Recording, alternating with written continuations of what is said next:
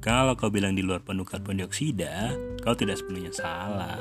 Di luar pintu rumah, kau bisa menghirup udara yang lebih segar daripada di ruangmu yang sempit. Sisa aroma tanah yang bau basah, atau orang-orang yang lalu lalang dengan awan berisi teka-teki di atas kepalanya. Kau bisa coba berjalan-jalan sedikit.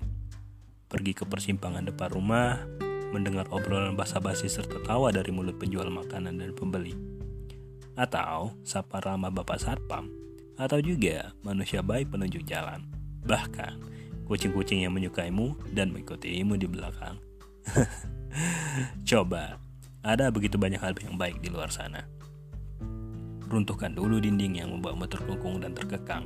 Nanti kau akan sadar, di sekitarmu, kebaikan tidak akan pernah lelah untuk mengepung.